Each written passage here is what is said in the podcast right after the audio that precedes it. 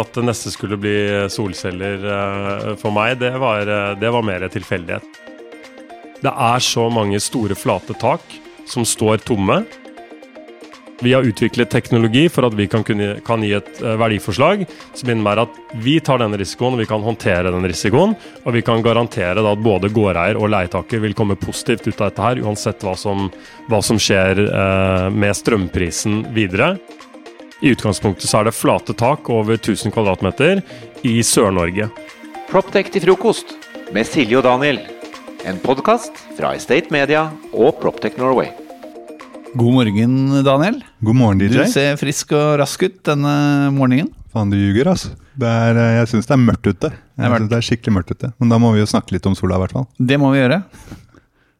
Ja, eh, fordi at eh, ja, Det blir en gøy episode i dag eh, på en av våre aller første Proptech-frokoster. Om det ikke var den første. For litt over et år siden så, eh, så kom det to veldig veltalende fyrer. eh, Jonas Brynildsrud og Alex Rydfjord. eh, med det de da sa var sin aller første pitch på et selskap som het Sunday Power. Eh, ganske kult navn, eh, som de tilsynelatende liksom hadde kokt sammen mens de holdt på med mediejobbene sine. Eh, med et dekk som de omtrent hadde kastet sammen på vei, på vei til frokosten. Og presentasjonen gjorde jo egentlig ganske tydelig at dette var folk med kommunikasjonsbakgrunn, fordi den var, den var smooth. Um, og fikk mange til å snakke etterpå. Fordi at den ideen den var enkel, og den var god. Det handlet om solenergi, og det handlet om ubrukte tak. Um, for til nå så har jo grønne tiltak krevd veldig store investeringer, ikke minst solceller. Så denne barrieren sa Sunday Power at den skal de fjerne helt. Eh, forretningsmodellen er da å bygge, investere i og eie solcelleanleggene selv på store, flate tak. Gjerne logistikkbygg. Um, og Deretter så selger de da strømmen som forbrukes av byggeier, tilbake til byggeieren. Eh, og så ble det litt sånn plutselig da, som å selge isbiter til eh, eh, under en hetebølge. Eh, for da kom liksom den energikrisen eh, i fullt firsprang. Eh, EU har skrudd på presset om å installere solpaneler på så mange offentlige bygg hvert fall, som overhodet mulig for å motvirke avhengighet av russisk gass. Eh, og, eh, og i Norge så sier vi liksom vi skal ikke ha kjernekraft, vi skal kjøre vind og vi skal kjøre sol. Um, og så har Sunny Power begynt å få en del store prosjekter under beltet, så da begynner det å bli litt sånn god fart. Uh, så da er det gøy å ha Jonas her i dag. Uh, om det liksom er det bare blå himmel og sol framover, eller er det skyer her og der. Så det skal vi ta en liten prat om. Velkommen til frokost, Jonas. Tusen takk. Veldig, veldig hyggelig å være her. Veldig hyggelig å ha deg her i Proptech til frokost, vår tech-podkast som eh, Proptech Norway og Estate Media arrangerer. Eh, du har bakgrunn fra Schibsted. Eh, var flere år leder for Schibsteds partnerstudio. Og da, da må jeg bare spørre først, hva er det med Schibsted og solceller? For jeg mener å huske at O2s gründer eh, og sjef Andreas Thorsheim Han kom vel også fra Skipsted, så satt dere liksom og kokkelerte der? Nei, det er vel, eh, det er vel en så stor tilfeldighet eh, man kan få det, tror jeg egentlig. Andreas var min første sjef i Skipsted, så jeg har selvfølgelig fulgt deres, deres reise, og imponerende reise. Eh, så, men at det neste skulle bli solceller eh, for meg, det var, eh, det var mer tilfeldighet som, som dukket opp, da. Så den historien til Sunday Power er kanskje litt mer utradisjonell enn den, enn den klassiske gründer, gründerreisen hvor jeg plutselig fikk en epiphany og fant at jeg skulle drive med sol. Det var, det var ikke sånn. Det var egentlig flere, det er flere gründere i Sunday Power. Det er, det er egentlig en del ulike typer disipliner man må lykkes med da, i dette spillet her, som handler om software, det handler om solcelle, hardware, teknologi, den forståelsen. Det handler om, om selskapsbygging og, og finansiering osv. Så, videre. så vi egentlig Jeg kom i dialog da med disse som har startet de første tanke, tankeprosessen og begynt eh, tek, teknologiutviklingen. teknologiutviklingen. Og så var det da, syns jeg det var så utrolig spennende og kult, og, og digget disse menneskene og, og konseptet, til at jeg tenkte at nå er uh, dette her er uh, det neste jeg skal gjøre. For, Fordi hvor var, hvor, hvor var, det du kom fra? Hva, hva, var din bakgrunn før du liksom satt i, i, i Schibsted og tenkte at denne teknologien skal jeg hoppe på?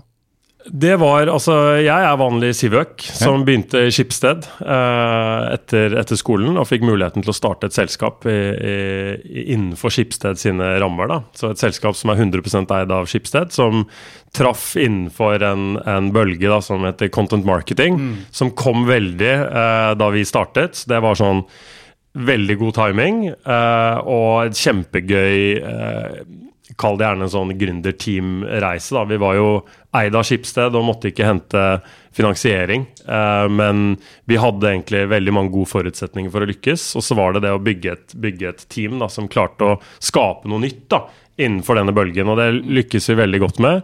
Og hadde det bare eh, kjempegøy. Et uh, selskap som gikk fra 3 til 60 ansatte på, på vel en fem-seks år, og som som tok en ledende posisjon i det, i det markedet. Mm. Eh, så vi var en, en, eh, en oppstartsbedrift da, i den delen av eh, Skipsted hvor, hvor, vi jobbet, som hadde, som hadde veldig, veldig, bra fart. Det var, men det var også en tilfeldighet at det, det dukket opp, for det er jo liksom det er jo kan du si, en slags blanding da, mellom markedsføring og, og journalistikk. Da, det produktet som vi leverte der. Innholdsmarkedsføring, ja. ja. og Jeg hadde jo ikke jobbet som journalist, og markedsføring fra NHH hadde jeg det i, så det var liksom ikke Det var litt tilfeldig at, eh, at, jeg, at jeg, endte opp der, da. Men, eh, men eh, mye, av, mye, av, suksessen handlet om å få, få laget bra team. Mm. Og komme med et tydelig verdiforslag, et godt produkt og verdiforslag til kundene. Og så vokse det, da. Trykke mm. hardt på gassen og, og, kjøre på. Og det er jo kanskje litt, hvis det er noen fellesnevnere her, så er det litt, litt, av det samme. Det er å lage et uh, utrolig godt verdiforslag med, både med eksisterende teknologi som finnes, men også utvikle ny teknologi. Pakke det sammen til noe som er uh, Hele gründeroppskriften, rett og slett? Ja, det kan, det kan, du kanskje si. Og så få på plass et, bra team. Så det er jo litt der jeg føler at vi har, uh, har kommet nå. Vi har et mm. bra produkt, vi får bra traction, vi uh, har gode kunder og vi har et kanonbra team som mm. syns det dette er uh, det kuleste å, å, holde på med. Og så er det vel, har vel brukbar storytelling òg, da, med den bakgrunnen din? Ja, nei, nå er jo eh, også han uh, Siden det ble nevnt denne pitchen vi holdt, da, så er det jo med en, han Alex, da, som mm. er uh, Det gikk jo gjetord om han i Skipsted, om hans keynote skills til å lage presentasjoner. Så det er det hans det er han som er mesteren. mesteren Dere har fått kjenne på verdien av en god pitch. men hva var, hva var, denne teknologien som kom seilende, som noen allerede hadde jobbet med? Hva var det dere så i den? hva var det som gjorde at den var proprietær og liksom ikke kunne snatches av alle andre?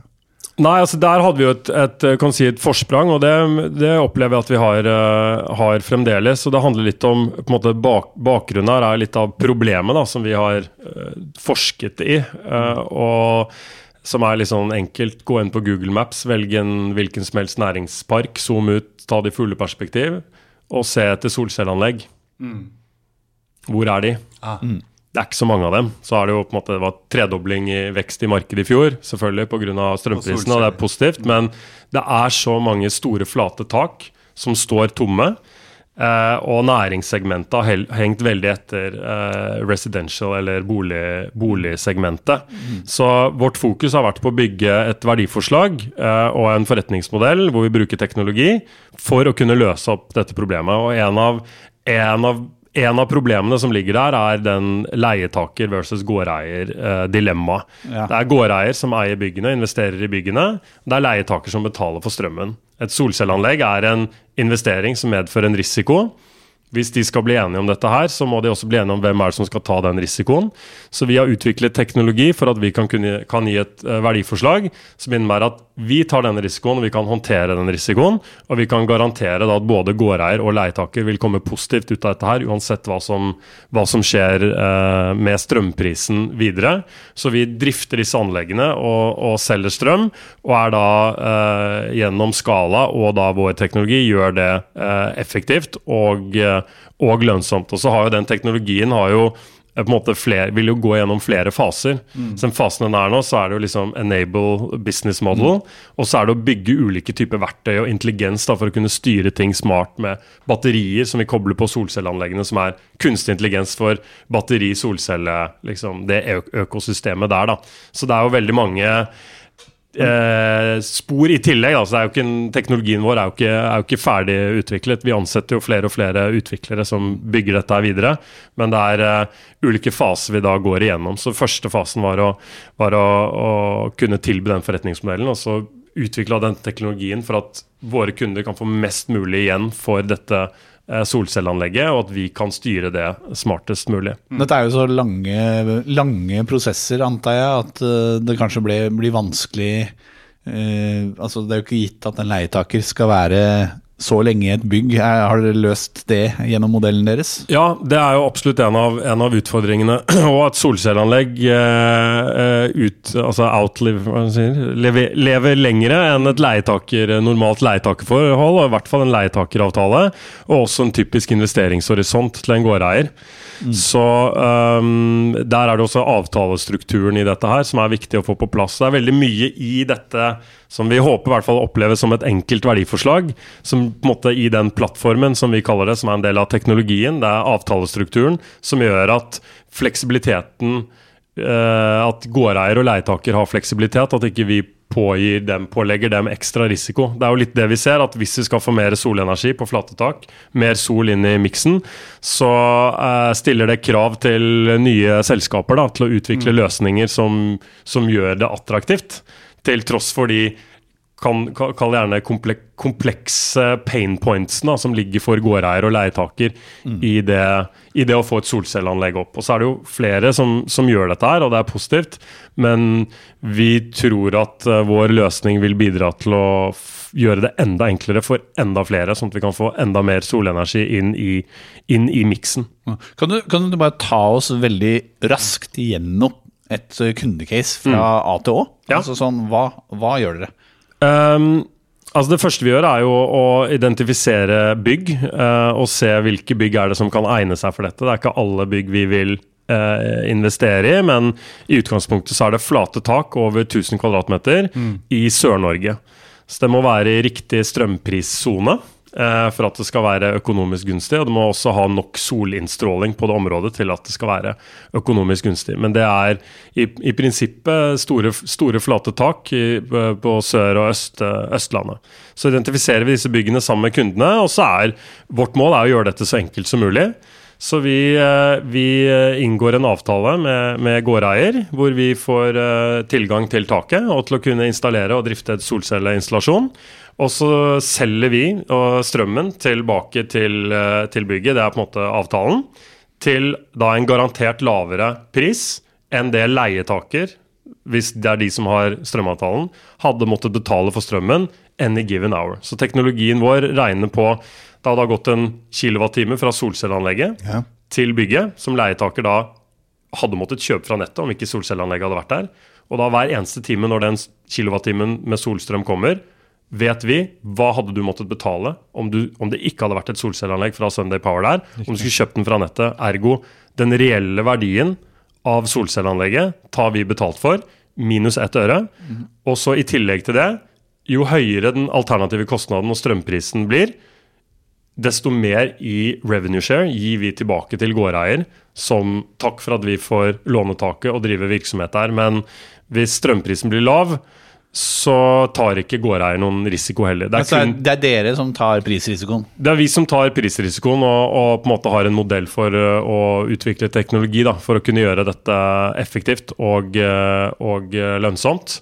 Og så gir vi en andel av våre inntekter tilbake til, til gårdeier. Så tanken er at uansett hva som skjer, så vil gårdeier slash leietaker komme positivt ut av å ha et solcelleanlegg fra Sunday Power på taket. Det er jo, det er jo ikke sant Dere tar jo da hele investeringen ved å eie anlegget, eh, slik at byggeier kan få alle fordelene med solceller uten å betale for det. Det jeg tenker er jo at det gjør jo Sunday Power til et digert investeringscase. Mm. Eh, hvordan, hvordan har møtene altså fra, fra den første pitchen dere leverte på Mesh, eh, hvordan har møtene med investorene vært? Hva, og, og eh, finanspartnere vært? Du kan jo si at dette er jo et case som treffer veldig i tiden.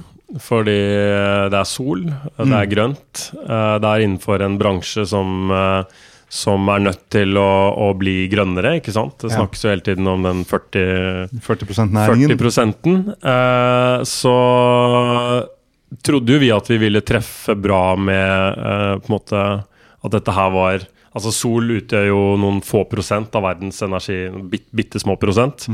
eh, I dag, og i løpet av de neste 15 årene skal sol, solenergi bli verdens ledende energikilde. Så ikke sant? det er en helt enorm vekst som ventes i det markedet.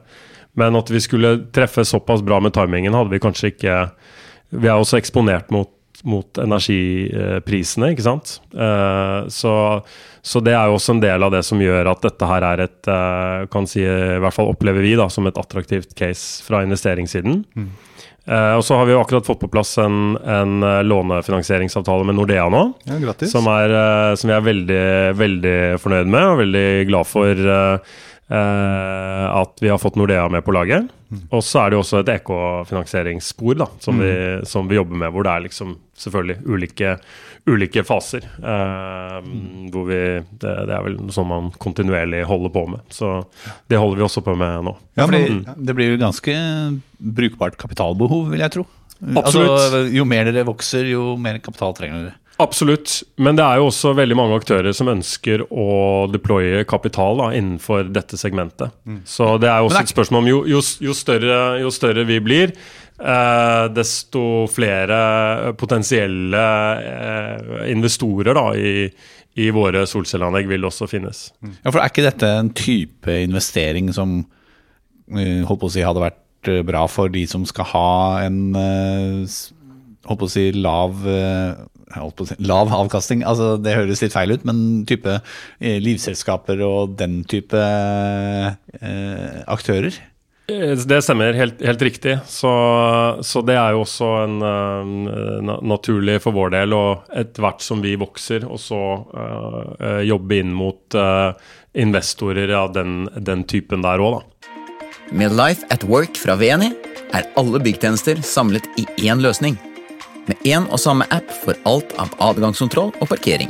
Til booking av møterom eller matbestilling kan du som gårdeier ta grep om dine verdier og skape en enkel og sømløs hverdag for dine leietakere. Finn ut mer på veni.no.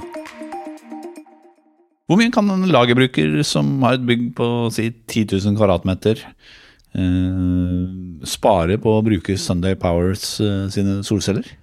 Eh, ja, det, det fine med det er at det avhenger jo av, av strømprisen. Så jo, Ja. jo det er jo uh, Hvis du skal liksom tenke, forenkle det litt da, og tenke at, uh, at den inntekten vi gir tilbake til bygget er en energikostbesparelse, så vil jo et um, Jo høyere strømprisen blir, desto bedre forsikring da, har du mot, mot eh, mot høye strømpriser. Ja, og så er det jo veldig ulikt ikke sant? om bygget har kjøling om sommeren, og om du har et veldig høyt forbruk når, når ja. det produseres mye. Så det er, det er ikke noe, på en måte, noe enkelt fasitsvar på det, men en, men en, eh, en 10 000 kvadratmeters bygg kan du produsere rundt én gigawattimer eller én million eh, kilowatt-timer, som gjør at du med de forward-kurvene vi ser nå, kan spare eh, da noen hundre tusen da, i året med dette her uten å gjøre Uten å måtte og- investere noen ting. Og det fordeles at noe kommer leietaker til gode, og noe kommer gårdeier til gode. Er det sånn? Ja, det avhenger jo litt av hvordan da våre kunder ser på at den fordelingen Ja. er hensiktsmessig å gjøre, da. Eh, Men der er jo vi Vi gir en andel tilbake til eiendommen, og så, og så kan man ja, vurdere åssen man ønsker å fordele den kaken, da.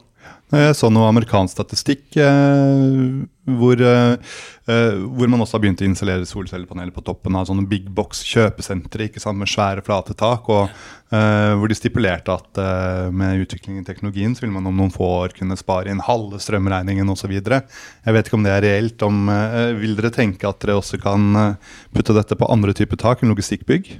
Ja, det, er jo, det er jo absolutt en del av eh, på en måte, Det vi har satt som en grense, er 1000 kvadratmeter Mm. eh, flatt tak. Og det kan være et, eh, et kjøpesenter, det kan være et kontorbygg, selv om de er mer sjeldne. Og så er det logistikkbygg i størrelsesorden da eh, 1000 til 10 000 kvadratmeter, eller eh, i det sjiktet som er uh, kanskje liksom kjernen da, av det vi, markedet som vi fokuserer på. Men det er et veldig stort marked hvor det er uh, både nye prosjekter, men også eksisterende bygg som har potensial for å få solcelleinstallasjoner. Uh, og så handler det Det handler jo ikke bare om den investeringsdelen, det handler om å gjøre det enkelt. fordi eh, som eiendomsaktør så har du allerede ganske mye du skal eh, fikse og, og kunne og ta hånd om. Og så kommer det grøntpresset med å liksom tenke mer grønt. Og da er spørsmålet skal du, skal du ta steget frem da, og bli ledende på, og på en måte Skal solceller bli core business? For deg også er det en del av strategien din. Da må du, da må du gjøre det skikkelig. Det er det jo noen som noen som har ønsket å gjøre, og si at vi skal investere i solceller. Vi har ansatt disse menneskene som skal gjøre det for oss, og vi, dette er core business for oss. Men vi tror ikke at massemarkedet kommer til å ønske eh, eller ville eh, bli ekspert på det området også. Og at det er plass til en løsning som bare gjør det enkelt. Og så er jo litt av crewet i forretningsmodellen vår at vi garanterer at både gårdeier og leietaker kommer positivt ut av dette her. Uavhengig av hvor lange, lang den leieavtalen er. eh, Eller hva strømprisen blir i fremtiden. Ja. Gjør dere noe utenfor Norges grenser?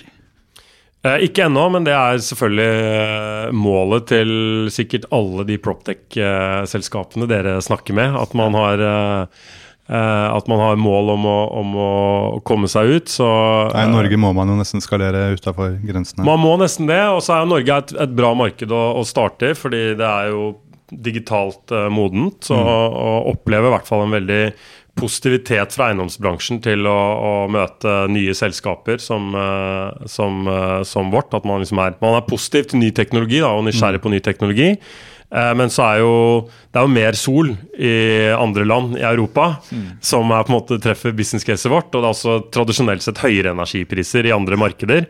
Så vi, målet er selvfølgelig å gå, gå, gå videre og bygge den plattformen, teknologien og liksom selv, hele, hele vår eh, prosess, da, måten vi, vi gjør dette lønnsomt på.